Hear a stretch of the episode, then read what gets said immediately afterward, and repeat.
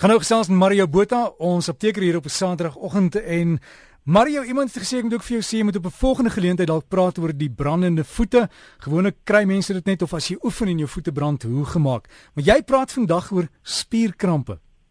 Hallo Derek, ja, ooh, spierkrampe, daai wat jy in die middel van die nag wakker word en jy kan opstaan uit die bed uit nie want jou tyd is hier in 'n spasma in. Ons praat ver oggend oor daai een. En die meeste van ons het al daai aardige manier al gevoel. En Mario, is dit 'n ding van te veel oefen? Ek weet as mens hard uh in die gym is en besig besig bly, dan kan jy so spierkramp kry of is dit maar net 'n teken van iets anders?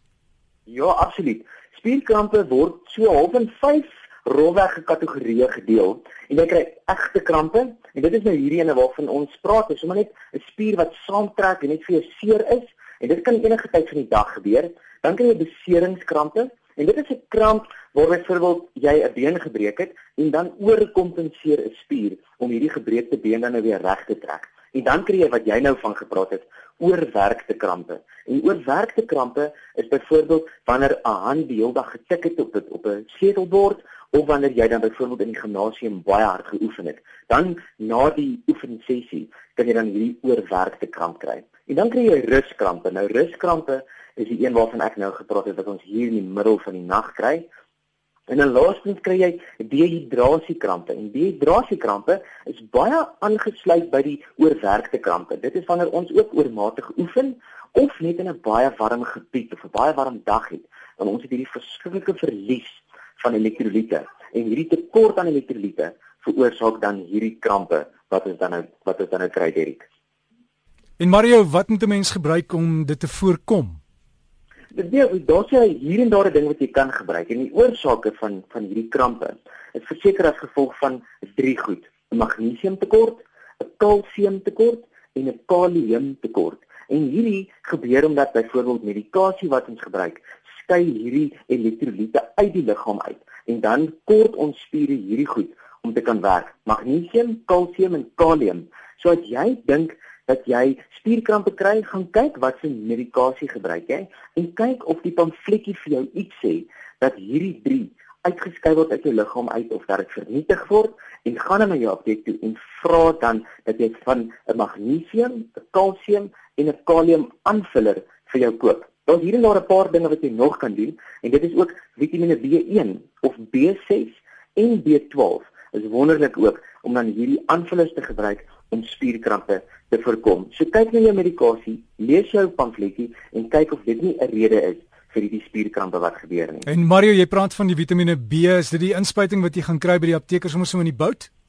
Jy dit is maar hy, ek sien deesdae moet hy op voorskrif wees. So gaan maak maar seker by jou apteek Party van hulle gee dit maar nog so half amper wil ek amper sê skelmpies met Vitamiene B12 nie so erg is nie, maar dit is wetlik, dit is nou op voorskrif moet jy dit maar kry. Maar as jy nie dit wil doen nie, daar is altyd maar oor die toonbank Vitamiene B1, 6 of 12 'n tablet wat jy kan gebruik om hierdie aanvuller te gebruik. So onthou, magnesium, kalsium, kalium en dan Vitamiene B. Is wonderlik vir hierdie spierkrampe. En onthou, as hy deur die nag gebeur en hy trek jou kyk hier in 'n rigting in, die beste is om dadelik te probeer opstaan uit die bed uit en plat voet jou voet op die vloer neer te sit want hulle sê as jy dan hierdie kramp kry, probeer die spier strek en dan sal hierdie kramp hopelik van self weggaan Derek. So as jy nie jou aanvullers gebruik nie, jy kry hierdie kramp, klim dadelik uit die bed uit en sit jou voet plat op die vloer. Ja, yes, Mario, as jy daai kramp kry, jy weet en jy probeer dit strek, jy kan 3 krone afbyt, né?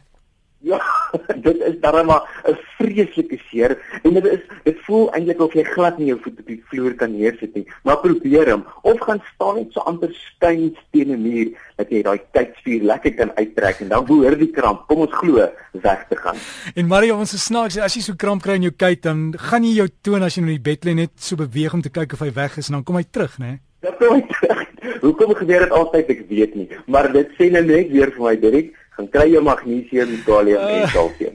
En Mario, iemand vra hier die diabetes se krampe, is daar verskil? Daar is nie regtig 'n verskil nie. Dis weer wat ons genoem het van sekere medikasies kan hierdie dinge veroorsaak. En die medikasie sluit in diabetiese middels, nie insulien noodwendig nie, maar baie van ons tablette wat ons gebruik om ons suiker te verlaag. Hulle kan vir ons krampe gee omdat hulle van hierdie elektrolyte uit ons liggaam verwyder. En diuretikums is van hulle ook, skus Derek. En dan iets soos hiperventilasie of oormatige braaking veroorsaak ook dat ons hierdie krampe kry en laaste 'n Vitamiene D tekort. En onthou Vitamiene D is weer altyd belangrik vir kalsiumopname. So as jy dink ook jy kom nie genoeg in die son nie en jy het Vitamiene D tekort, dit veroorsaak dan ook hierdie krampe. En Marie, SMS wat inkom, iemand vra die eetmiddels wat jou liggaamstemperatuur net so klein bietjie opstoot, kan dit ook krampe gee? Onthou dit sluit vir aan by dehydrasiekrampe want hoekom as ons ons basale temperatuur in die liggaam verhoog, dan skei ons outomaties meer sweet af. En sweet is absoluut 'n konsentraat van elektrolyte. Elektrolyte weer kalium, kalsium, magnesium en dan lei dit dat ons hierdie spierkrampe kry. Spiere het baie drie minerale nodig vir werking. So ja, eetmiddels, die eetmiddels kan verseker hierdie krampe veroorsaak. So gesels ons met Mario Botha en as jy vir Mario wil kontak, sy e-posadres is mario.m.botha@gmail.com, mario.m.botha@gmail.com.